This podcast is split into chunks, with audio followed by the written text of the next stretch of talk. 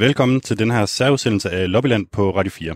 Mit navn er Mads Anneberg, og det her er det allerførste afsnit af en sommerserie, hvor alle de danske europaparlamentarikere er blevet sat sammen i par og skal dyste om at lave det bedste radioprogram.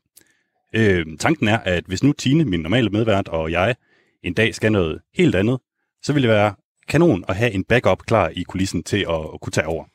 Dagens to radioværter her, det er Morten Helve fra De Radikale og Søren Gade fra Venstre. Velkommen. Tak for det.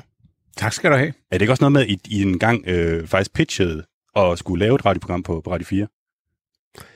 Altså, Morten og mig, vi har lavet rigtig mange ting sammen. Men vi når gudskelov ikke om og rundt om det hele i dag. Og det tror jeg er godt både for Morten og for mig og for lytterne. Og for lytterne, ikke ja. Okay, Morten, vi sender live fra din terrasse i Hellerup, hvor I to altså skal se, om I kan slå jeres kolleger i den her disciplin, der hedder radio. Og i slutningen af programmet har vi to lyttere igennem for at bedømme jer på tre kriterier. Kreativitet, formidling og debat. Og jeg vil egentlig ikke sige så meget mere. Det er jeg to, der er værter i dag. Jeg er bare sådan en form for anstandsdame, der lige bryder ind, hvis, I, øh, øh, hvis jeg synes, det er nødvendigt. Så ordet det er jeres. Vil I ikke starte med at præsentere hinanden? Jo, øh, og, jamen, øh, velkommen til, til dig, Søren, min gode gamle kammerat. Øh, tak for det. Vi lærte hinanden at kende der i, i starten af nullerne i Folketinget, hvor du jo lynhurtigt blev krigsminister i den sorte få regering. Og, øh, vi startet som backbencher begge to? ja, det er rigtigt. Og, og stor var min glæde, da du blev valgt til Europaparlamentet øh, sidste år, at, at, at, at du kom til Bruxelles, og, og, og hvor jeg synes, du har, har gjort det virkelig gode og smarte. Det der med sådan at koncentrere sig om nogle af de ting, som parlamentet har indflydelse på. Altså eksempelvis fiskeri og, og, og transport og nogle af de store, tunge øh, ting der. Så øh, det, det er jeg virkelig glad for, øh, at du har. Også fordi vi har jo øh, rimelig forskellige tilgang til, øh, til, øh, til det europæiske også, så øh, vi kan øh, diskutere højlydt øh, og, og, og heldigvis med, med godt grin. Så øh, jeg glæder mig til i dag. Jeg glæder mig til at og, og, ja, byde velkommen her i mit hjem. Du kender det jo godt. Øh, du har været her tit og, og, og snakket politik og, og været sammen med ungerne og, og, og, og hygget dig i øvrigt. Så øh, det, det jeg glæder mig til det her program, at komme rundt om nogle af de store emner, og, og så gøre det med en god ven som dig, Søren. Så velkommen til. Tak for det, og tak for invitationen til at komme. Ja, du sidder på terrassen. Sidste var her, det er jo ikke mere end 14 dage siden, hvor der var studenterfest ved Helena, og jeg endte med at lave, ja, jeg endte med at lave sent uh, natmad, og fik lov at gå en kul i din uh, sofa herinde ved siden af, så, så jeg har mange gode og uh, sjove minder her. Og til folk, der ikke lige var til festen, Helena, det er... Det er min det, datter, som det, blev student her, og, ja. og Søren har stået og tryllede den skønneste natmad frem her øh, sidst på, på aftenen. Søren er en utrolig god kok, og, og det er noget, vi virkelig nyder godt af her i husstanden. Altså, og, og Morten, og os op. Og Morten er lidt deprimeret i øjeblikket, fordi begge hans unger de flyttede hjemmefra, så han føler sig som det, han er, en gammel middelalderende mand. Og de er forbløffende lidt kede af det. Det er nok det, der, der undrer mig mest, Søren. Ja. Nå, men det er rigtigt. Vi mødte jo en anden øh, tilbage i, ja, i 2001, og vi blev faktisk øh, gode venner øh, fra starten af. Øhm, vi sad på bagerste række, øh, og jo var ufarlig for alt og alle. Og jeg havde jo så en beslutning om at ikke at skulle stille op igen, og det endte som sagt anderledes. Jeg blev minister lige pludselig, og vi fastholdt faktisk vores øh, venskab. Øhm, du er en radikal politiker, men du er jo ikke radikaliseret så meget, at øh, altså, jeg vil sige på den måde, du, du tilhører ikke venstrefløjen hos de radikale. Og det gjorde jo, at vi havde et, et fint og tæt samarbejde. Vi fik lavet et, øh, synes jeg jo, øh, et, et fint forsvarsforlig, og det samarbejde fortsat jo helt frem til, at du øh, forlod øh, Folketinget. Og, og nu sidder vi så, som sagt, øh, i øh, Europaparlamentet sammen. Og det er klart, det betyder enormt meget for mig at have en god ven dernede. Altså, Ben Benson kendte jeg rigtig godt. Han valgte så at stoppe her til sidste mm. valg. Men at komme ned til Europaparlamentet og ikke kende nogen, det, det vil jeg have svært ved. Og der har jeg haft stor glæde af. Altså, også alle de praktiske ting, men jo ikke mindst også øh, hyggen, der følger med, altså mm. kan gå ud og spise sammen, og, øh, og det hele taget øh, diskutere politik. Og det er jo rigtigt, vi sidder i den samme gruppe, Morten og jeg, i det der Renew, og... Øh, vi, har ikke, vi er jo ikke enige om alting, vi har en forskellig tilgang til nogle af tingene, men det er overordnet om, at vores plads er i øh, det europæiske fællesskab, og at det er godt for dansk, Danmark og dansk økonomi. Det er vi jo enige om. Ja, Så er det jo mere med, hvordan skal det finansieres, og hvor skal vi hen, og hvad skal EU blande sig i og ikke blande sig i. Og det er jo noget af det, ja. som jeg glæder mig rigtig meget til ja. at diskutere med dig her i de kommende 60 minutter, fordi der er jo både... Øh, altså, der er meget formidling i at være i EU, fordi de fleste siger, åh, det er også kedeligt, og der sker ikke noget, men jeg synes faktisk, øh, når jeg sammenligner med mit arbejde i Folketinget, så er det jo ikke, fordi jeg synes, øh, man kommer nemmere til sine penge i Europaparlamentet. Der, der skal arbejdes hårdt for at få indflydelse. Øh, måske øh, endda lidt mere end hjemme, ikke også? Fordi vi sidder 705 parlamentarikere, som alle gerne vil som også er magtmennesker, og som alle som gerne vil bestemme et eller andet. Og, og det glæder mig til at, at prøve at diskutere med dig. Det er klart, du har jo langt mere erfaring, end jeg har, men, men jeg, synes, øh, jeg synes, det har været et spændende år, det har været et travlt år, og jeg glæder mig egentlig til at få lidt fri nu. Jeg har simpelthen øh, breve, øh, ting, jeg ikke har fået svaret på inden for de sidste ja, ja. år, hvor jeg er nødt til at bruge min, noget af ferien på det, fordi folk forventer jo også et svar. Man kan ikke svare på alt og alle, men jeg har nok været overrasket over, hvor lidt tid der egentlig er til... Øh, at lave de ting, som jeg gjorde i Folketinget, altså øh, borgerhenvendelser og møder ude hos borgerne osv. Men det kommer vi jo nok til at diskutere. Men det, det er jo, og det er jo fordi, det, det er jo et kæmpe system, det der. Ikke? Altså, ja. det er jo 705 øh, medlemmer. Ja, så er der medarbejdere på kontorerne. Vi, vi render rundt i bygninger, hvor der er 6-8.000 mennesker, der ja. har deres, deres daglige gang. Nu har det været helt skørt på grund af coronaen, ikke? Og, og med alle de her altså videomøder i stedet for. Ikke? Men det er jo et, jeg synes, det er meget tydeligt. Noget, der slog mig, Søren, i, i at gå fra Folketinget til Europaparlamentet, det var, at, at det, det, det er en kæmpe forskel. Jeg synes, det er meget tydeligt, det der med at mærke, at du går fra et parlament med 5 millioner til et parlament med op mod en halv milliard mennesker. Mm. I forhold til, alting er bare større, mere kompliceret, byråkratisk også, øh, og, og, og for langsomt på mange stræk. Også at der er nogle, nogle ting, der virkelig også lykkes. Og, og jeg har den oplevelse, at at det er et system også, hvor man vil, hvis man vil noget med det, så er der også nogle fantastiske muligheder i det. Men det er også så stort, så hvis ikke rigtigt man vil, så kan man også bare øh, altså drukne i mængden der. Og, og, jo, men også give, give sådan et, et lille indtryk af det. Hvis man nu er erhvervsudfører i det danske folketing for et parti, så kommer der nogle erhvervsorganisationer, og de henvender sig til en, og man sidder og skriver ned, og man lytter til dem. Dernede, der har man jo 28 organisationer, der kommer til dig, og har hver deres syn på, ja. hvad der skal ske. Og det vil sige, du, du kan ikke tage alle de møder, du egentlig gerne ville. Herhjemme, der tager du selvfølgelig mødet med Dansk Erhverv, eller Dansk Industri, eller hvem det nu er, der ringer. Dernede kan man umuligt gøre, tage Dansk Erhverv, Dansk Industri for alle ja. landene, fordi så, så brænder du der staver i livet. Og, og den der prioritering, den er jo benhård. Jeg havde de polske cementfabrikanter på mit kontor her lige inden corona lukkede ned. Det havde jeg aldrig troet, at jeg skulle møde dem på mit kontor. Men det var smadret spændende. Ja, men altså. når jeg kører hjem herfra, så har jeg de europæiske lufthavnsmedarbejderes ja. organisation. Altså, og der er noget hele tiden, og nogle gange så tager man jo nogle møder, fordi man gerne vil være klogere, men ja. der er selvfølgelig også perioder, hvor, hvor man har brug for at høre det fra den anden side, hvis jeg må være så ja, fri, præcis. hvis man har en holdning til en ting, og så skal man jo også lade, lade modparten. Så finder man en organisation, og lade dem prøve at komme til ord. Ja, og så er det jo ens opgave som politiker så at afveje, når man har hørt noget fra øh, den ene side, og så også at høre på den anden side, mm. så må man veje op til sidst, hvad, hvor, hvor man så egentlig så skal lægge sig. Ikke? Det, det synes jeg selv er, er utrolig interessant, og jeg synes på mange måder, at det der arbejde i Bruxelles, altså hvis man har hang til politik, så er det en slikbutik. Altså, ja. der er fantastiske muligheder ja. for sådan at, at gå ind og, og lære noget på nogle sager, afveje nogle ting på nogle sager, og også få indflydelse, hvis man, hvis man går efter det og, og, og ved det der. Ja, altså det, det, fik jeg jo, det lærte jeg jo Ben Benson, ikke også? Altså det her med at gå ind i en sag, og så bare bide sig fast. Ja. At det kan godt ske, det tager et år eller halvanden at komme igennem, men man kan faktisk sætte nogle fingeraftryk. Ja. Øh, ben Benson gjorde det inden for, ja, det var byggeri og renovering af, af, af bolig, ja. energi ja. og så videre, ja, ikke også? Ja. Og, og det har jo hjulpet danske virksomheder, ikke også? Og, ja. og det, så det der med, at man ingen indflydelse har, det mener jeg simpelthen en fejlslutning. Jeg er med på, at det tager lang tid, og jeg er med på, at det kan være kedeligt at høre om. Men at tegne et billede af, at der ikke er mulighed for indflydelse, det er simpelthen lodret øh, forkert. Ja, det er helt ja. øh, enig i. Så der er nogle store emner på, på, på dagsordenen lige i øjeblikket. Altså, øh, ja, nu har vi lige hørt den her Apple-sag, at, øh, ja. at i forhold til, til de der mange milliarder, som, øh, ja, hvor Apple øh, mildstalt ikke er, skal bare sige, de ikke er topskatteyder i, i, i en dansk forstand i hvert fald. Øh, som, som lige er, er, er sådan helt aktuel, ikke? men det fører jo også over en diskussion om budgettet, som, som virkelig er en varm kartoffel, ikke? og hvor her om et par dage, der skal Mette Frederiksen til Bruxelles og, og, og lægge arm med de andre stats- og regeringschefer hen over weekenden. Ikke? Og, og hele den der diskussion om budget mm. er, er, er jo sindssygt vigtig, fordi det jo dybest set peger ind i, hvad er det, det europæiske skal.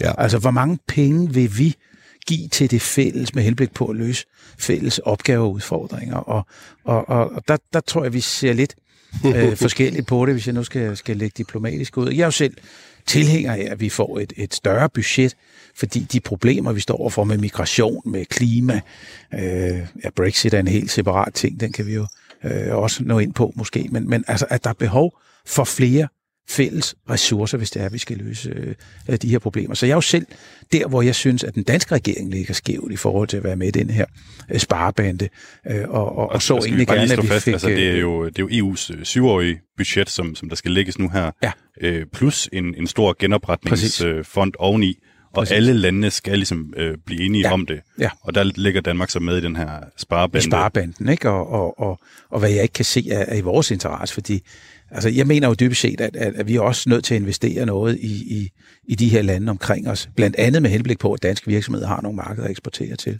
Så altså, jeg, jeg mener, der er opgaver, der skal løses, der kræver flere penge, og jeg mener, det er vores solklare egen interesse, at der er nogle markeder, der kommer på fod efter den her skrækkelige coronavirus, øh, så de kommer op og stå igen, også af egen interesse. Så både, kan man sige, det principielle eller idealistiske, men sandelig også det, det her med, med, med en egen interesse i det fra dansk side og fra danske virksomheder side. Og nu er jeg nødt til at drille dig, Morten, fordi man kan jo sige, at de radikale har været på mange rejser i den tid, jeg har været i politik.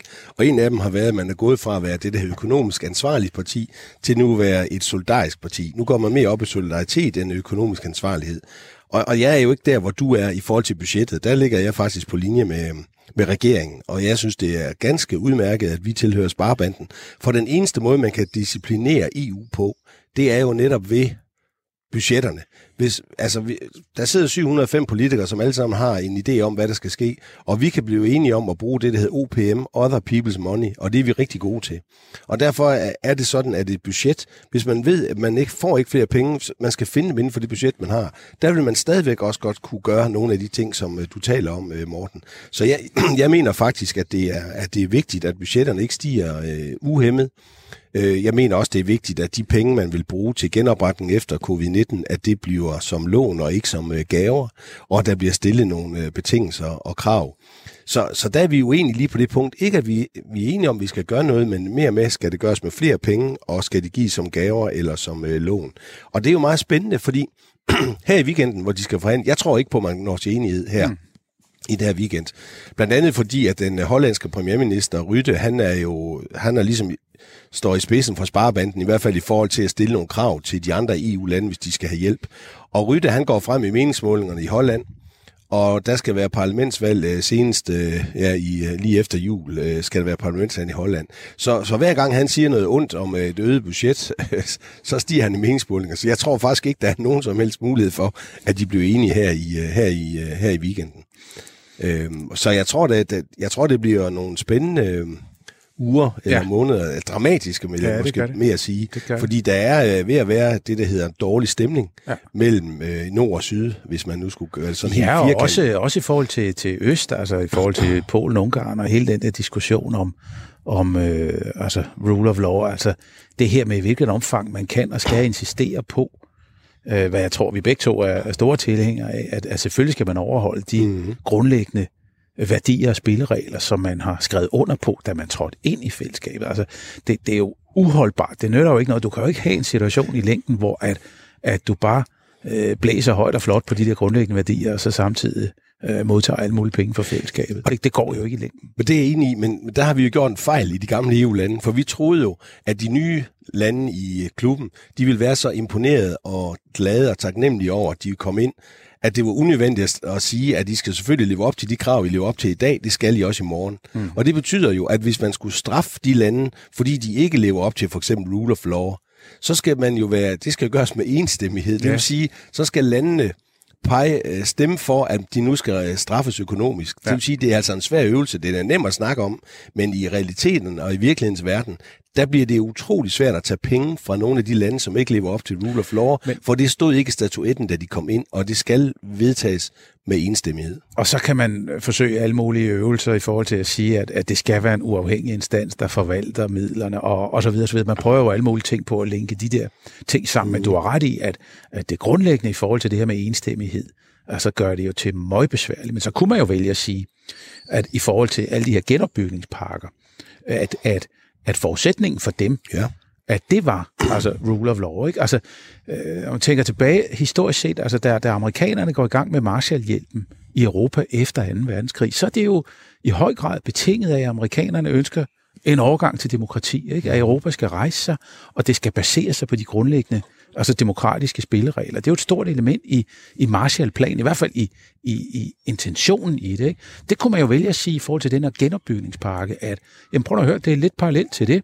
Man skal selvfølgelig også underskrive eller ikke bare underskrive, man skal også overholde altså de grundlæggende øh, spilleregler, der, mm-hmm. øh, der ligger i det. Det var der en glimrende anledning til det, synes jeg, at bruge. Og det bliver, også, og det bliver jo diskuteret, det. og det tror jeg også, at det er noget, det man diskuterer mellem stats- og regeringscheferne. Men igen, der sidder de jo face to face, altså sidder og kigger på hinanden, de regeringschefer, de så skal gå ud og ramme, ikke? og det bliver aldrig lettere, Nej, når man sidder over for hinanden og, og ligesom beslutter sig for, hvorvidt øh, man skal gå den vej. Søren, vi, øh, vi har et opdrag. Vi, vi skal lave kreativt indslag, og vi kan ikke øh, danse, noget... vi kan ikke danse rundt på terrassen her. Eller det kan ikke ses i hvert fald i radioen altså, særlig vi, godt her. Nej, men vi to, vi er det, der hedder, vi er, vi er pænest i radio. ja, altså, vi, vi er bedst i radio. Bedst i radio, ja. ja. Så øh, det er rigtigt. Der var noget med noget, ja. noget quiz. Og vi har fundet, Lad os få det overstået. Ja, Mads, hvad siger du? Vil du hjælpe os igennem en, øh, en quiz? Her? Det vil jeg meget gerne. Jeg har jo øh, fået fra, fra jeres folk det, der er en citatquiz. Mm. Og den citatquiz går dybest set ud på, at I skal gætte, om det er et medlem af Europaparlamentet, som har sagt det, mm. eller en diktator. Okay. Der er mange diktatorer i Europaparlamentet. Vi har mødt en del af dem, så det bliver svært at skille dem ad, tror jeg. Og vi har en lille diktator her under, under bordet her, så hvis der er nogen hundelyd i baggrunden, så er det Ludvig, der ligger her og brokker sig over, at han ikke får nok opmærksomhed. ja, ja, og det er helt specifikt en form for, for bomuldshund? Eller, eller det, passer, det passer lige til en Weber. Øh, jeg tænker, vi tager en, øh, en, en lynrunde. Det er ikke det kreative indslag, vel, at vi lægger nu lige på Webergrillen. Godt. Øhm, skal vi ikke bare øh, komme i gang med, med, med diktatorerne og, og, og parlamentarikerne, så, så vi kan komme videre derfra? En nation af spaghetti-spisere kan ikke genskabe den romerske civilisation. Hold da op. Altså, det kunne da godt være en eller anden nordeuropæer i Europaparlamentet, der har sagt. Ja, det kunne det, det godt. Det kunne det faktisk altså, godt være. Øh, og nu har jeg et helt vildt bud. Altså, jeg, jeg tror, det er en mapper, og det kunne være Nigel Farage. Tidligere mapper. ja, altså, jeg, jeg er helt sikker. Jeg tror også, det er en mapper. Jeg har ikke noget bud på, hvem det kunne være, men skal vi ikke bare sige, det er en mapper? Det var øh, Mussolini. Nej, Benito. Okay. Den italienske øh, fascistiske diktator. Okay. Desværre. Det næste, den, den lyder sådan her. En diktator sørger for orden og går forrest. En tyran er en selvisk person, der ødelægger. Mm-hmm. Jamen, er det sådan, at der står i, i lombogen for diktatorer? Ja, det er ikke det radikals principprogram, Søren. Det kan Nej, jeg godt sige til dig. Ikke umiddelbart. Nej. Ikke umiddelbart. Jamen, jeg, jeg vil lige sige, det kunne da også være Mussolini. Altså, jeg, jeg vil mene, det er en diktator. Ja, en diktator, det er vi enige om. Og hvilken, siger du, Søren? Jamen, så kunne det være det Stalin eller Hitler. Så lad os sige Hitler for at tage en. Øh, det er sjovt, fordi du har ret i, det er Mussolini, men det er ikke en diktator, fordi det er Benitos barnebarn, Alessandra Mussolini, no. som sidder som i Europaparlamentet. Nej, ja, lige præcis. Ja, ja. Jamen, så giver den et halvt point, gør den ikke? Det må give et lille bitte kvart point. Okay. Øh, når du er inviteret til middag, er du enten gæst eller en del af menuen. okay, det er sådan en Idi Amin ting. en... Oh, ja. hvad, hvad kan det være? En del af menuen. Ja, så tror jeg, jeg ved, at vi skal betale vores øl næste gang, vi skal ud og spise med vores assistent. det bliver ikke os. Ej, hvad kan det være? Ej, der, der, der blank. Fisk. Fisk. Den tør jeg ikke... Jamen, det må da være en diktator, der siger det. Vi siger, det er en diktator. Det var Guy Verhofstadt. Min medlem, medlem af Europaparlamentet. Det var min yndlingsavision. Guy Verhofstadt. Ja. Han er fra jeres gruppe. Ja, det ja. er han nemlig. Tidligere ja. formand. Og, og føderalist. Og, og belgisk... Elsker tanken om de forenede stater i Europa. Og belgisk premierminister gennem ja. altså en, 200 år. en menneskealder. Og, ja. og øh, Altså, øh, og, og utrolig interessant på mange måder. Ja, øh, dyb intelligent, og, og, der er ikke noget der. Men han, derfor kan man godt være politisk du, han, han, øh, han har en vin, han, han er vinbund også. Ja, så kører han øh, klassiske racerbiler. Ja, det skulle da ikke undre mig. Så skal han, han også have en indtægt ved siden af, han, i hvert fald. Det kan man ikke leve af, som han er gøre. meget alsidig, og, og startede i øvrigt altså som anarkist. og, og, og det synes jeg sådan også er tydeligt at mærke på ham den dag i dag, at han er sådan meget spralsk i det, og, og, øh, og tænker sådan helt øh, skævt Altså, i man kan i hvert fald ikke- til ting. Ikke? Når han starter en tale, ved man ikke, hvor han slutter i hvert fald. Det tror jeg ikke engang selv, han gør. Men, men altså, jeg, jeg, jeg synes, han er... Han var jo gruppeleder i, i det, der nu hedder Renew, dengang det hed ALDE, altså i, i sidste periode i Europaparlamentet, og, og synes jeg utrolig inspirerende, og selv ikke jeg kan følge med ham øh, op ad, ad bjerget der, når han begynder på sine føderale tanker, men, men, men altså utrolig inspirerende og, og, og fuldtonet føderalist, som, som Søren siger. Ikke? Og det er jo derfor, jeg ikke er... Altså, jeg står lidt politisk langt væk fra ham, Morten. Du er ja. lidt tættere på. det må man sige. Hvor langt op ad bjerget kom du, øh, så at sige? Ah, må ikke, jeg slipper halvvejs, eller lidt over halvvejs, så, så har han kørt mig flad op af Tour de Føderal. Ja, ja. Nå, men Guy Verhofstadt, jeg tænker faktisk, der er mange lyttere, der godt ved, hvem han er. Altså, han har markeret så meget også igennem øh, Ja. hele Brexit-processen og sådan noget. Det er ham, Ja. ja. Belgieren med, med, med grydehår og, og de store runde briller, ikke? Lige præcis. øh, lige præcis. ja. Okay, sidste citat. Idéer er stærkere end pistoler. Øhm, det tror jeg er... um, Så er vi i Rusland. Fordi han har sagt et eller andet engang med, hvad man... Altså, idéer er stærkere end pistoler. Så er der en anden del af citatet, hvor han er inde på... Øh, at man ikke, man, ikke giver, man ikke giver pistoler til sine fjendeagtige. Det ved jeg, for jeg har læst den der kommunismens sorte bog, så jeg tror, det er Stalin. Hvad siger du, Morten? Jamen, det, er- det, det kan jeg sagtens være med på. Egentlig så er I jo i, imod hinanden, men altså man kan sige, det er fuldstændig rigtigt. Det er Josef Stalin, som tilføjede, øh, vi lader ikke folk få pistoler, så hvorfor skulle vi lade dem få idéer? Jamen, det var sådan, jeg kan huske det. Ej, Ej, han er altså rimelig øh, hård altså. hund.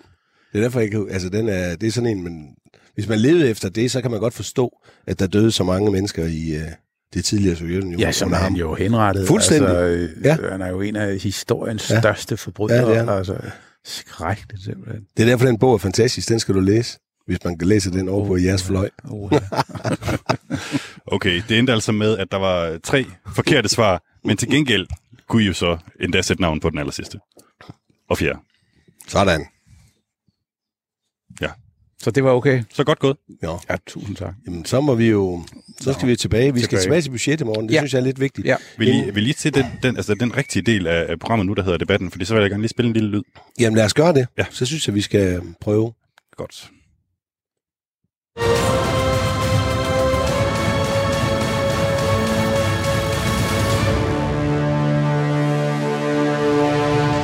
Værsgo. Tilbage til budgettet. Ja, forhandlingerne her i weekenden, ja. De blev ikke enige. Det er mit bud på det. Øh, budgettet er jo anselig størrelse. Det ender jo på øh, 1.100 milliarder euro, eller noget, der ligner. Det bliver ikke den 1% af BNI, som man ligesom tilstræber eller gerne vil have, i hvert fald sparebanden. Det bliver 1,057 et eller andet. Hvad ved jeg om det? Det bliver i hvert fald højere end 1%. Øhm, og så kommer hele diskussionen om, hvor meget der skal gives i gave, hvor meget der skal gives i, øh, i lån. Det bliver man heller ikke enige om. Øh, som det er nu, så er det 500 milliarder euro i gaver og 250 milliarder euro i lån. Og øhm, jeg, jeg, jeg, jeg håber jo, at, at Sparebanden de får en vis indflydelse, og håber også på, at, at det ender med en øh, mere lille fordeling mellem lån og, og, øh, og gaver. Mm.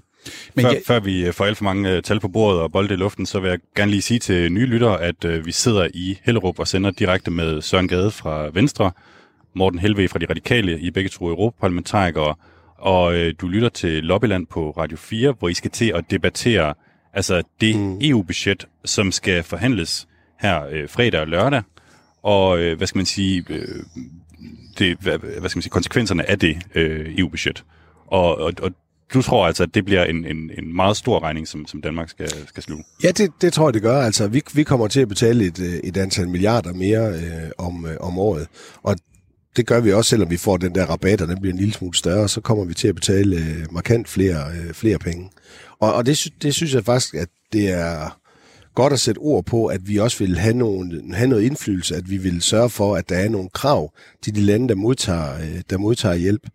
Øh, og, og jeg synes også, man skal blive mærke i, altså fagforeningerne, ikke alle, men, men for eksempel øh, LO's øh, tidligere, altså Lisette, LO's formand er ude øh, at sige, at hvis de skal gå til skattelettelser for eksempel, øh, så er hun ikke med på det. Og jeg, jeg tror, at der er rigtig mange danske, som har, de vil i hvert fald have en god forklaring på, hvorfor vi skal sende penge til andre lande, hvis de skal gå til for eksempel skattelettelser.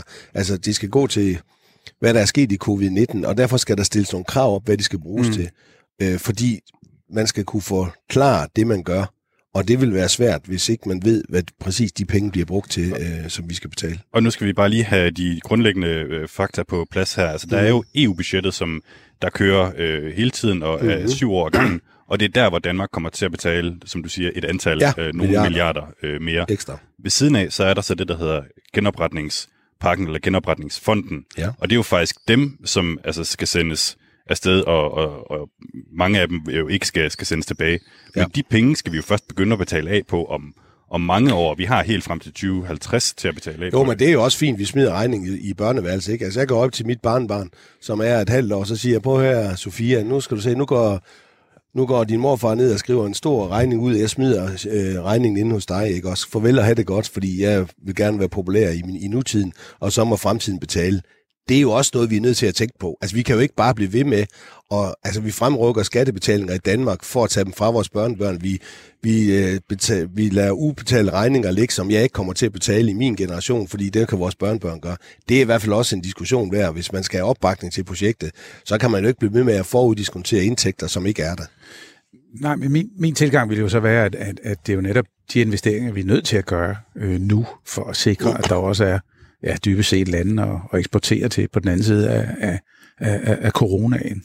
Øh, at der er noget, der minder om, om, om et sammenhængende Europa på den anden side, fordi det, vi kigger ind i, er jo nogle helt vildt dramatiske fald i, i økonomierne, ikke? Øh, og, og, og fald i, i, i BNP på ja, 5-10 procent, eller, eller noget i den retning af nogle af de store økonomier. Og det er jeg dybt bekymret for, men, men jeg vil sige, i forhold til de her forhandlinger, og jeg håber, man når et resultat. Jeg tør ikke love det, hvordan skulle jeg kunne gøre det, men, men jeg håber virkelig, man når det, fordi øh, hvis vi skal gå hen over sommeren med den usikkerhed, der ligger i det, så er det skadeligt i forhold til det genopretning, der skal finde sted. Så jeg håber sgu, man, man, man, altså man, man finder hinanden her Men, med alle de vanskeligheder, der ligger i det. Og min bekymring er i den forbindelse, at, at det, der ligger på bordet nu, som ham der Michel, formanden for året, den øh, belgiske, øh, også tidligere belgisk statsminister i øvrigt, at det, der er på bordet nu, det er jo faktisk en barberet version af budgettet, altså som i, i alt for høj grad, synes jeg, burde tilfredsstille den her sparebande, ikke? og som, hvor man ikke har taget opgøret i forhold til at kigge på de posteringer, man burde kigge på i forhold til strukturfonde og landbrugsstøtte. Men nu, og nu, er jeg jo, nu er jeg jo for Jylland, så jeg skal være lidt pessimist. Og hvis vi nu siger, jamen okay, det er så nødvendigt med den der kæmpe sparepakke på de 750 milliarder euro, nogle de skal så, de fleste skal gives som gave, og de andre, de færreste som lån. Hvis jeg nu sådan, øh, nu håber jeg ikke, jeg får ret i, i det, jeg siger, bestemt ikke. Men hvad nu, hvis der kommer en anden runde af coronaen? Mm. Hvor mange gange har vi råd til i Danmark at bruge 200 milliarder kroner, og i Europa at blive ved med at dele penge ud til nogen, vi så mener har det sværere end mm. der, hvor vi selv er? Altså min pointe er, Altså, vi skal også passe på, at vi sørger for at have en robusthed, så nationerne i Europa også kan klare sig selv. Altså, vi kan jo ikke sende penge afsted hver gang det regner, eller blæser, eller brænder, eller stormer i Sydeuropa. Dermed ikke sagt, at vi ikke skal hjælpe, men vi er også nødt til at stille nogle krav, således at vi har så robuste nationer i Europa, at man kan klare i hvert fald de mindre hændelser selv. Og, og der kan jeg godt frygte for, at man nu laver sådan en præcedens om, okay, det var grimt nu, vi sender penge afsted, så kommer anden runde, så står man med poten frem igen. Mm. Det, det er bare for at sige, at, at det må følges op med nogle krav, fordi eller, ellers så, så tror jeg altså skatteborgerne i den nordlige del, som skal betale, at de godt kan, du ved, miste pusten en lille mm. smule og blive lidt trist over, at deres skat skatteprocent er højere end den, øh, den er der, hvor du sender pengene ned, og de har jo ikke tænkt sig at reformere deres samfund, så det bliver men, mere robust. Men, og det, det er jeg ikke uenig i. Altså, jeg synes også, der skal være altså, nogle, nogle bindinger eller nogle bånd på, der gør, at, at i fald, at man altså kommer i betragtning til det her, så er der også altså nogle grundlæggende spilleregler, der, der, der, der skal være med i det. Det er jeg sådan set enig i. Det, min bekymring går sådan set på, at det man så ender med, bliver en eller anden sædvanlig studehandel, hvor der er nogen, der får lidt rabatter, øh, en, en sen nattetime, og, og det er helt uigennemskueligt i øvrigt, hvad der er foregået, at de ting, der bliver mulighed for at komme i betragtning til, bliver noget, der er baseret på medlemslande i stedet for det fælles europæiske. Og, og, og det vil være min bekymring, at man så ender i en eller anden sædvanlig studehandel, hvor der sidder 27 stats- og regeringschefer, der så kommer ud klokken 4 om morgenen, og, og hænderne op over hovedet og siger, hurra, hurra, vi har fået en rabat, øh, hister her, i stedet for, at man har lavet det rigtige i forhold til at prioritere de fælles projekter. At der bliver for meget, at så får den enkelte statsminister noget vedkommende kan, regne, kan, kan rejse hjem med og, og, og vifte op foran sig. At der bliver for lidt fokus på, at hvis vi skal igennem det her, så skal vi det i fællesskab. Øh, og, og det kan være min bekymring i, i den her sædvanlige studehandel, som finder sted, og, og, og, og vil finde sted givetvis. Jamen, den kan jeg da godt, øh, den del er sådan set med dig, fordi de penge, der bliver givet, uanset om det er lån eller gave, det skal jo rettes mod fællesskabets... Og mod fremtiden. Og, og løsning og fremtiden. Det, har, det giver dig fuldstændig ret i. Altså, sådan må man forvente, eller i hvert fald håbe på, at pengene bliver brugt der er nok en anden holdning i de lande, der står med poten fremme i øjeblikket. Mm. Jeg tror, de har en idé om, at de selv skal bruge de penge, som de, øh, de vil. Og der håber jeg så, at de lande, der skal betale til festen, at de så også øh, får indflydelse på, hvordan de bliver brugt. Men man kan sige, at det her det har jo været et, øh, et, et stort politisk spørgsmål, også her i Danmark. Altså, men Søren, ved du, at der er nogle af de sydeuropæiske lande, der har tænkt sig at hælde de her penge øh, ned i jorden? Altså, øh, hvor, hvorfor tror du ikke, de vil gøre det ansvarligt? Øh, jeg de vil i hvert fald ikke bruge dem. Altså, hvis ikke der kommer krav med, så har vi jo ikke nogen hånd i hangen med, hvordan de bliver brugt. Og, og så, så skal jeg jo ikke være... Øh, altså, jeg er jo også politiker, og hvis der kommer en pose penge uden krav, så er det mig, der bestemmer, hvordan de bliver brugt. Sådan er det, og sådan er det også i de europæiske hovedsteder i øjeblikket. Så det er jo derfor, at det ikke er uvæsentligt, hvad man skriver ned med småt, når man bliver enige om, hvor, hvor, øh, hvor store beløb det skal være. Altså man kan sige, jeg vil næsten hellere, at der bliver brugt lidt for mange penge rigtigt, end få penge forkert, fordi få penge forkert vil ikke have nogen som helst virkning for at få Europa skubbet ud af den krise, vi er i. Så, så derfor håber jeg, at der bliver skrevet rigtig meget med småt, når mm. man øh, skal udlevere øh, både gaver og øh, lån til de lande, der har et behov. Og det bliver vildt dramatisk. Altså det, det bliver virkelig, det er et slagsmål, og, og det bliver et kæmpe slagsmål hen over, øh, hen over weekenden her. Det kan godt blive, at der er enormt mange øh, aspekter af det her, ikke? og det kan godt blive meget teknisk. Vil I ikke bare lige begge to, øh, først dig Morten, sige, hvorfor er det egentlig vigtigt for, for, for lytterne, for, for danskerne at forstå, hvad det er, der sker her? Jamen det er det, fordi at, at alle de kæmpe problemer, vi står overfor, øh, altså lige på en helt kort bane, der er det jo altså, som sagt fald i, i, i økonomierne rundt omkring på 7-8, op til 10 procent, øh, og, og, og med hvad der følger af, af risiko for, for, for ledighed og, og for samfund, der, der virkelig får det svært. Og der, øh, der synes jeg dels principielt, at det er vores, øh, at det skal vi bidrage til at, at hjælpe med. Og så også ud fra en, en egen interesse, der hedder, at, at der skal være nogle markeder også at eksportere til dybest set. Så det er en blanding af, af, af, af kan du sige, egoistiske motiver, samtidig med nogle, nogle øh, mere ideelle i forhold til at få tingene til at hænge sammen. Og det vedrører selvfølgelig Danmark øh, i og med, at, at, at vi skal bidrage og kommer til at bidrage til det i et eller andet omfang. Så det er også danske skattekroner, der, øh, der, der er på spil her. Så derfor vedkommer det også i forhold til økonomien, og så vedkommer det også i forhold til, hvad er det for opgaver, vi dybest set vil have, at Europa og EU skal løse i fællesskab. Øh, og, og, og vi står midt i Brexit, vi står midt i en, en migrationskrise, som kan eksplodere, øh, hvornår det skal være, og vi står øh, først og fremmest i en klimakrise i forhold til at, at, at, at skulle håndtere nogle kolossale udfordringer på det. Og det kræver nogle ressourcer. Det kræver nogle, nogle fælles ressourcer at gøre godt med, hvis det er, at vi skal sætte ind der, hvor det virkelig batter. Og det er derfor, jeg tilhænger af, at, at vi også har brug for et større øh, budget i det fælles for at kunne gøre livtag med, med alle de udfordringer. Og jeg er tilhænger af, at man finder en del af de penge på det budget, man har. Og det er jeg, fordi jeg er bange for, at noget af opbakningen kan forsvinde til EU, hvis vi bare bliver ved med at udskrive større regninger til skatteborgerne. Fordi hvis man har problemer hjemme i sin private husholdning med at få pengene til at slå til, så må man jo finde det i det budget, man har. Man kan jo ikke tage pengene ned af et træ herude i, i haven, i din smukke have. Øh, at den men, har, men, han har været smuk. altså, det, det, det, det kan man ikke. Og, og, og derfor, derfor er det sådan set opbakning til projektet, jeg kan være bange for, hvis man, hvis man bare får det til at ligne, ligne Gilberts gavebod for nogle lande i Europa. Men nu, nu sammenligner du med husholdningsbudgettet. Altså, der er jo ikke nogen, der går ud og køber et hus her i Hellerup øh, kontant og lægger alle pengene på disken. Det, det låner man jo til, øh, og, og, og, så betaler man det af hen over en, en årrække. Altså, det er jo lidt det samme. Jo, men jeg har jo sådan, altså, det, det gør man nemlig, men jeg synes jo ikke, man behøver at tage yderligere lån i huset hvert år, fordi man kan. Altså, det, i min optik, så gør det jo ikke noget, man ligesom øh, opsparer lidt i den øh, ejendom, man bor. Og, og jeg synes, det er forkert igen, at bare optage noget lån og så sige, så i stedet for at kalde det en omkostning eller et udgift, så kalder man det en investering, og så smider man øh, regningen ind i børneværelset. Det, det, det, det bryder jeg mig ikke om. Det er måske lidt gammeldags og jysk. Må jeg lige prøve et lille eksperiment her? Det er fordi, at øh, jeg har jo min, øh, min medhjælper med her, som hedder Ja. ja. William, på, på 12 år, som er min, øh, min kusines øh, søn. Og jeg vil egentlig bare gerne lige høre, William, øh, sådan, forstår du øh, sådan cirka, hvorfor det her det er, det er vigtigt? Øhm, altså, jeg kan godt se det der med, at pengene, de, øh, altså, de skal jo bruges rigtigt, og de skal ikke bare skydes hen på de næste generationer, fordi så ligesom os, der står med den. Og ja, det er jo det er ikke så godt. Okay. Og der er I sådan nogenlunde bestået indtil videre, vil jeg sige. Og det var godt. Ja, godt. Jamen altså, øh, hvad, øh, hvad, hvad vil du svare til det, Morten? Altså det her med, at man ikke skal, skal forgælde sig op over øh, alle begge ører. at øh, de unge mennesker, i ikke mindst i Sydeuropa i øjeblikket, øh, der står og kigger ind i, i, i, i den her krise, at, at altså dybest set, hvis de skal have en fremtid, også med mulighed for jobs og, og, og, og så videre, så kræver det, at vi investerer i det. Øh, og samme for klimaets skyld. At, at, at jeg tror, det er sindssygt vigtigt i, i forhold til de her genopbygningspakker og alle de her milliarder, der, der, der, der florerer, at netop når vi gældsætter så skal det jo også være ting, der peger fremad, således at du og dine jævnaldrende og de unge generationer også kan se et perspektiv i det. Om det er det grønne, eller om det er migration, eller om det i øvrigt er det at skabe altså muligheder for jobs. Øh, det, det, det er sindssygt vigtigt. Den største ulykke vil jo være, hvis man så belånte de unge mennesker til op over skovstenen, for så at klatte dem ud på noget, der ikke peger fremad. Og det er min bekymring i forhold til de her budgetdiskussioner, lige her nu, at vi ikke får taget nok fat på budgettet, som det ser ud nu, i forhold til de poster på budgettet, som peger bagud frem for dem, der peger fremad.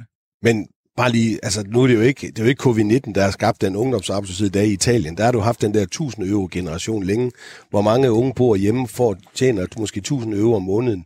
Øh, og nu, nu, er der så, nu er det så lagt ekstra pres på det. Men det er bare for at sige, at covid-19 får skyld for alting. Der er altså nogle strukturelle barriere i de nogle lande i Europa, som skal laves om, hvis man skal være bedre til at modstå en covid-19 måtte den aldrig komme, men hvis den skulle komme om 5 eller 10 år. Og det er bare det, jeg siger selvfærdigt.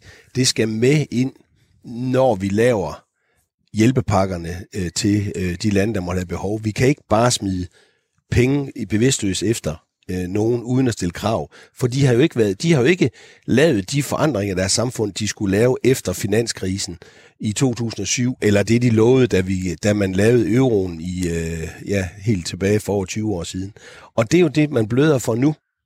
Og, og, og derfor er man nødt til at stille nogle krav, hvis man skal gøre Europa samlet set mere robust for fremtidige pandemier, eller hvad det måtte være. Ja, og det er også derfor, at de der penge skal pege fremad og ikke tilbage. Ikke? Altså, at, at, at, at det skal være grønt, det skal være digitalt. Der skal også være det der med rule of law i øvrigt, altså i forhold til, øh, altså som jeg ser det, ikke? At, at der er nogle ja, konditionaliteter, Men Morten, som det, det- hedder med, med, med langt år i forhold til, til anvendelsen af det. Ikke? Det er jo rigtigt, men tager du den største kulmine i Polen, at der tror jeg, den udleder lige så meget CO2, som øh, Danmark gør om året. Altså, det, det kommer jo ved siden af. Nu snakker vi covid-19, men når du kommer til en grøn omstilling, så kommer du til at skal sende mega store checks til de samme lande, som nu bliver tvunget til at omstille sig, øh, bare for at nå det niveau, som vi andre har i dag. Men det er jo en anden diskussion. Den Jo, har- jo, men det, men det viser jo meget godt, hvor, hvor, altså, netop hvor afhængige vi er af hinanden. Ikke? Altså, at, at, at, at min tilgang vil jo være at sige, jamen, netop det illustrerer jo, at det er noget, vi skal gøre i fællesskab, og vi er dybt afhængige af hinanden. Jo, men, ikke? men jeg vil bare have det som krav. Du, du siger det som om, at jamen, det, vi er afhængige af hinanden. Jamen, det lyder lidt som om, du mener, at vi bare skal sende en check. Altså, de, de kommer Nej, nej, til at, de skal også kunne flytte sig i den retning, vi skal i Europa, uden Ja, vi andre og- og, skal betale til det. Vi har betalt regningen i Danmark. Ja, vi men- men betaler bortset- for men det- mega det- dyr men- vand, mega dyr strøm, mega dyr olie, og hvad har vi? Altså, det har vi gjort, fordi vi ønsker at gå i den retning. Så kan det ikke nytte, når vi skal skatteborgerne i Danmark skal betale anden gang, fordi de ikke vil lave en, en omstilling. Men, men jeg synes, og det er det, der er interessant i forhold til, til den tyske kan du sige, vending på det her med budgettet og, og det her med overførsler i forhold til, øh, til budget, at de største, dem der har nyt størst gavn af, af euroen og det indre marked, det er jo sådan nogle altså robuste økonomier som Tyskland og for så vidt også Danmark. Så forudsætningen for, at det her kan fungere, også i forhold til, at der er lande at eksportere til, jamen det er jo, at, at systemerne virker dybest set, at du har nogle økonomier og nogle samfund, øh, der er øh, i bevægelse, og som, og som kan noget, som du kan eksportere til. Så derfor er, derfor er min tilgang til det, at, at det er nødt til at være noget fælles. Og selvfølgelig skal der være nogle, nogle betingelser, nogle vilkår af en eller anden art i forhold til, at det skal være grønt, det skal være digitalt, det skal pege fremad, det skal ikke pege tilbage. Men det der med isoleret set at kigge på en bundlinje og sige, okay, nu bidrager vi for Danmarks vedkommende med et eller andet beløb mere end end, end vi får retur i direkte overførsel. Det mener jeg simpelthen ikke er hele historien.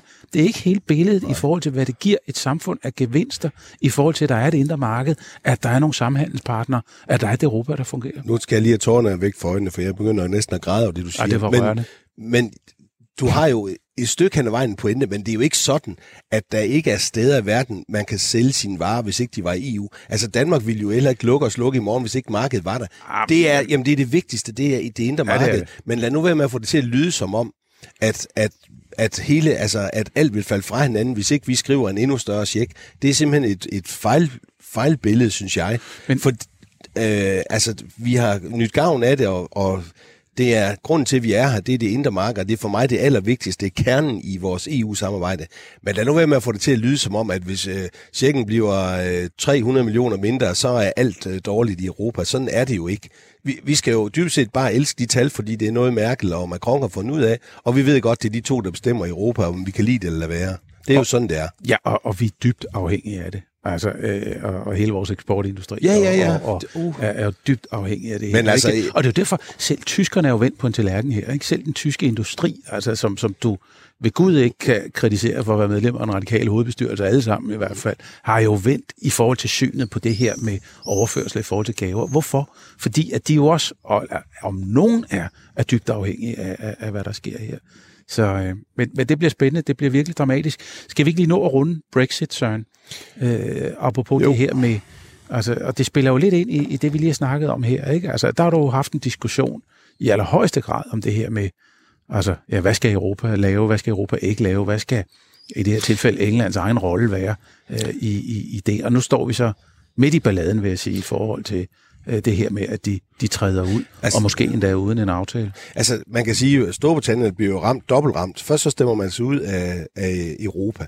Det er vælgernes øh, ansvar, og, og politikerne stemmer de sig på sig. Så kommer covid-19. Vi hørte i går, at britterne står til at gå 14 procent tilbage i bruttonationalproduktet. Mm. Det er helt hemmelingsløst.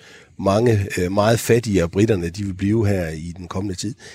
Men covid-19 har jo fjernet Brexit som noget, der bliver diskuteret hele tiden i. Bruxelles. Altså, Storbritannien har måske troet, at de kunne trække os rundt i manesien. Nu har vi jo siddet på Zoom siden øh, øh, covid-19 startede, eller på telefon og på vores iPad, og det fylder bare ikke så meget. Altså, vi, vi er godt klar over, at vi er langt bedre stillet med en aftale med Storbritannien, hvis den kommer. Det er britterne også selv, men vi er også kommet dertil, det hedder, at det er op til britterne, om de vil have en aftale. Mm. Og vi har jo øvrigt nok at gøre i øjeblikket med at få lavet hjælpepakker i Europa, sørge for, at Europa holder sig på sporet. Og derfor tror jeg faktisk, at, at britterne bliver dobbelt ramt, fordi de får ikke lov at fylde det hele i Europa nu. Altså Brexit er også en sag, der skal håndteres, men det er covid-19 og tiden efter covid-19 i de resterende medlemslande jo sørger med os. Øh, jeg er selvfølgelig bekymret for, at vi ikke får en aftale fiskeriet, der hvor jeg kommer fra på vestkysten.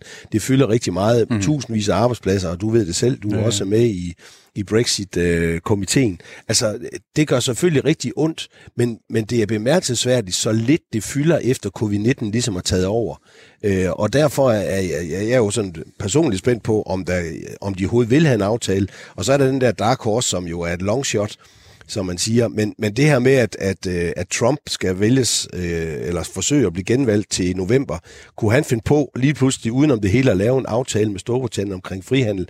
Nu tager han privilegierne fra Hongkong, kan han finde på at give det til et andet land som Det vil jo så Storbritannien. kræve, at de skal abonnere på amerikanske landbrugsprodukter, Ja, ja, ikke? men det er jo det, der går ondt i- i- ja, men det er rigtigt. Og, og, og, og hvad det nu måtte være. Men det, er bare, det ligger bare som en dark horse ja, ja. på en eller anden men måde. det gør det. Men, men jeg synes, det er jo i, i al sin ulykke, altså hele det her Brexit, og der er jo ikke et godt ord at sige om det, altså i de altså fire år, der, der er gået siden afstemningen. Ikke? Men, men det er jo også, synes jeg, en, en, altså en, en, øh, hvad kan du sige, en, en, en reminder til os alle sammen om, at det der med at diskutere Europa er, er, er sindssygt vigtigt i forhold til, at det må ikke stikke af, som det gjorde i den der afstemning derovre. Og det der med take back control og, og hele den der sådan, øh, Men det er jo- øh, tilgang til det med, at, at, øh, at, at man kan alting på egen Og det er jo hånd, ikke? derfor, at vi som politikere altid skal huske at lytte til, hvad, hvad vælgerne mener, fordi vi må ikke løbe så langt foran, at der kommer den her, det antiparti mod det projekt, som vi jo har gavn af at være i. Godt, I to. Øhm, vi når ikke mere debat den her omgang. Må jeg ikke lige nå at stille dig et kort spørgsmål? Du har sådan et form for armbånd på, øh, Søren, øh, over på den anden. Sådan med, med EU, nej ikke EU-flag, men forskellige europæiske flag. Ja, Jamen, det var, fordi jeg var oppe og holde en tale øh, oppe i de baltiske lande i forbindelse med en flagdag, og der var jo Ah, okay. der var jo soldater fra NATO-soldater, og derfor går jeg med den her, fordi det er sådan unity i form Okay. af NATO. Så det er ikke et. EU-armbånd, det Nej, er nej, et nej det var, I var begyndt at gå med EU-sokker i venstre igen, så det... Nej, nej, det er et NATO-armbånd. Ja, okay. Det tror Jeg jeg, nemlig på. Jeg tror faktisk på NATO. Jeg har nogle EU-sokker, du kan få sådan. nej tak. Giv den til min formand. Vi skal, øh, vi skal simpelthen have lytter igennem. Øh, den første af, af to, hun hedder Ayan Yassin, og øh, jeg ved ikke, om, om du kan høre os, øh, Ayan? Jeg kan godt høre, kan I høre mig? Det kan du tro, vi kan. Vil du ikke lige øh, præsentere dig selv? Jo, jeg, jeg hedder Ayan, og jeg er Ph.D.-studerende på Roskilde Universitet. Ja. Og øh, du har jo lyttet med her på, på øh, vores program, så at sige, eller Mortens og Sørens program. Hvordan synes du, at de øh, klarede sig i forhold til sådan kreativitet? Jamen, altså, det er, det, det er svært at vide, hvem der siger hvad, nu hvor jeg ikke kan se dem. Men, øh, Okay. men, lad, men jeg synes, lad, lad, lad os starte med sådan øh, debatgejsten. Øhm, det synes jeg egentlig ikke, der var særlig meget over. Øh, mm. Det var mere sådan en politisk samtale, øh, end det var en decideret debat. Okay. Øhm, men jeg ved heller ikke, hvad, hvad, sådan, hvordan segmentet ligesom skulle være. Men jeg ligesom forestiller mig noget andet. Ja, men det, det synes jeg, der, der er et øh, validt øh, kritikpunkt. Hvis du nu skulle give dem en øh, karakter fra 1 til 5 øh, på, på debatten der, hvad vil den så være? Altså, jeg vil, jeg, jeg vil sige øh, to, to og en halv. Måske, fordi der var Ja, det meget... skal være et helt tal. Ja, okay, så to. Øhm, Okay. Fordi der var, sådan, der var mange sætninger med, jamen det kan jeg da godt være enig i, og jamen det er jeg også enig med dig i. Jeg synes ikke helt, de var sådan fundamentalt uenige i det, de sagde. Udover selvfølgelig, hvor meget sådan, øh, af det syv års budget, der ligesom skulle komme fra, fra Danmark. Mm. Øhm, Alright. Og, og i forhold til formidlingen af, af det her jo nogle gange sådan lidt, øh, lidt, lidt tunge stof, øh, hvordan synes du, det gik? Jamen, altså, jeg synes egentlig, det er meget ekstremt tungt. Altså, i forhold til, øh, at det ikke er en, en, øh, en kyndig EU-lytter, der er med, så, så synes jeg, at øh, altså, jeg, selvfølgelig var det meget klart, det de sagde, men øh, de kom meget rundt om forskellige ting. Jeg fik besked på, at de skulle debattere sådan migration, og hvor mange penge, der skulle sættes af til at patruljere EU's grænser, og det var det eneste, de ligesom ikke snakkede om, ikke? Der var både mm. tale om polske miner og covid-19 og Brexit, øh, og ikke så meget budgettet i forhold til øh, at patruljere EU's grænser. Så altså i formidling i forhold til hvad, det ved jeg ikke rigtigt. Lad, lad, lad os tilgive dem, at, at de øh, ikke kom, kom ind på det, som, som vi troede var deres emne. Altså, hvordan, hvordan synes, blev, blev du klogere på det, du, øh, du, du trods alt fik at vide? Jamen, jeg, jeg, jeg tror ikke, jeg blev klogere. Jeg tror, jeg blev mere forvirret egentlig, fordi der var ikke så meget... Man gik ikke i dybden med et specifikt emne, men igen en, en, en, en hyggesamtale mellem to venner omkring alt det, der bevæger sig inden for EU. Lad os få en Øhm, karakter på banen fra tre. 1 til 5. Tre. 3. Okay, Ja. godt. Og det sidste punkt, det var så det, jeg, jeg, jeg startede med at spørge dig om, altså i forhold til, til kreativiteten. Hvor meget tænkte du øh, over det? Hvad, hvad, hvad, hvad synes du, de gjorde godt? Altså, jeg er bange for, at jeg, jeg lyder som sådan en rigtig hardcore øh, lytter, men øh, jeg synes, øh, altså, øh, quizzen, quizzen var god, øh, men igen meget indforstået øh, for folk, der ligesom er inde, øh, inde i øh, EU, øh, både formidling og, og politisk. Øh, men, men, men quizzen var god, så, så den vil jeg give fire. Okay. Godt. Jamen altså, det bringer os op på i alt 9 point ud af af 15 mulige. Ja, jeg håber, de overlever dog. Jamen det kan vi lige, altså, øh, hvad, øh, hvad, hvad, hvad tænker I, Morten og Søren? Er I tilfredse med resultatet? Ja, Det er jo, ja, ja. altså. Ja, jamen det er det, der er resultatet. Tusind tak, Ayan, fordi du, øh, du gad at være med her. Jamen, det var så lidt. Ha' en god dag. I lige måde. Og øh, jeg tror faktisk, vi kan stille direkte om til den næste lytter, som er... Kan du høre os, Bjørn? Det kan jeg sagtens. Det lyder godt. Kan I høre Bjørn også? Mm-hmm. Godt. Det var godt. Bjørn, øh, vil du ikke lige præsentere dig selv også? Jo, jeg hedder Bjørn, jeg er 34 år. Jeg er uddannet geolog, arbejder med øh, miljørådgivning. Og jeg bor i øh, en lille by, der hedder Østersnede, øh, lige 14 km nord for Vejle. Okay. Og øh, du har også lyttet med her. Hvad tænkte du, Ja. øh, der var... Øh, hvad, hvad skal man sige? Hvad, hvad, hvad hæftede du der ved i forhold til kreativiteten af, af, af programmet? Ja, jamen, hvad skal man sige? Altså, det er jo ikke fordi, at, at der er noget øh, særligt nytænkende, øh, øh, kreativt over den måde, programmet er stykket sammen på. Øh, quizzen var også, som, som Maja også siger, så det var en, det var en fin quiz. Øh, jeg synes, det var nogle sjove citater. Øh, men altså, jeg vil også ligge, lande et sted midt imellem øh, på, den, på, på, en, øh, på en træer, tænker jeg. Okay. Det er noteret. Og øh, formidlingen af, af, af EU-stoffet. Jamen, jeg synes faktisk, den var super god. Øh, jeg synes, at både Søren og Morten er, er, er super rare at, at sidde og lytte til. Øh, de er totalt klare stemmer, klar formidling. Jeg synes, Morten var en god ordstyre. Øh, jeg synes, at, øh, at holdningerne smitter, øh, både øh, Sørens og Mortens. Øh, så absolut topkarakter herfra. Øh, til- Okay. til Hvis holdning er smittet mest. Øh, jamen, øh, det gør Sørens. Øh, det synes jeg. Okay. Ja, det kommer selvfølgelig også, øh, det er måske subjektivt. Øhm, Ja, det tænker jeg. Til sidst øh, vil jeg så spørge dig til selve debatten. Altså, hvor, hvor, hvor, hvor Ja. meget gang i den synes du, der var? Jamen altså, det er jo egentlig også lidt enig med, med ejeren om, at, øh, at det er jo ikke som sådan, fordi det er en, en ophedet debat, og en ophedet debat kan, er, er jo altid sjov at, at sidde og lytte til. Øh, hvor at, øh, at det, det bliver mere en, en samtale, hvor man er relativt tæt på hinanden. Jeg kan godt høre, at, øh, at Søren er lidt mere tilbøjelig til, at vi ikke skal bruge så mange øh, flere penge, øh, og at, at Morten måske godt synes, at, øh, at vi godt må bruge lidt mere. Øh, men jeg synes ikke, at jeg synes ikke, at det lider øh, under, at, altså, at der ikke er en, en, en, en ophedet debat, fordi formidlingen er så god. Øh, så, så jeg synes egentlig også, at, at, at debatindslaget øh, fungerede super godt.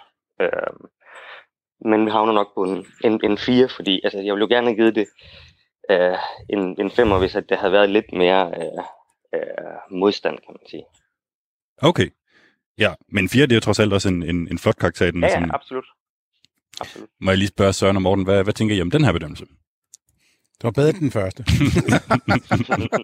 Så er det jo heldigt, at vi ikke kommer ind og snakker om migration og flygtninge. Så har vi, så har vi nok siddet med røde, rød i panden begge to. Ja, det ved man aldrig. Okay, jamen altså, øh, Bjørn, du skal have tusind mange tak, fordi at øh, du gad at, at være med her til lige at bedømme de to øh, gavede politikere. Og have en øh, fortsat god dag. Ja, i lige måde. Hej. Nå, vi har lige et par minutter til at, til at runde af. Altså, øh, hvad tænker I om, øh, om det, der er blevet sagt her?